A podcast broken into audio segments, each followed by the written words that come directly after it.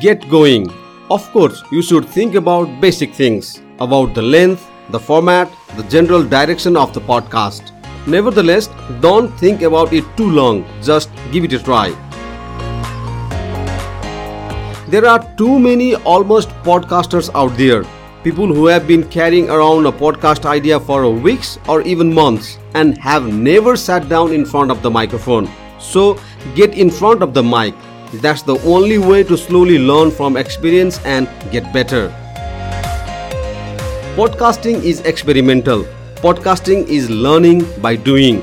Here you can try out what works and what doesn't and gradually find your own style.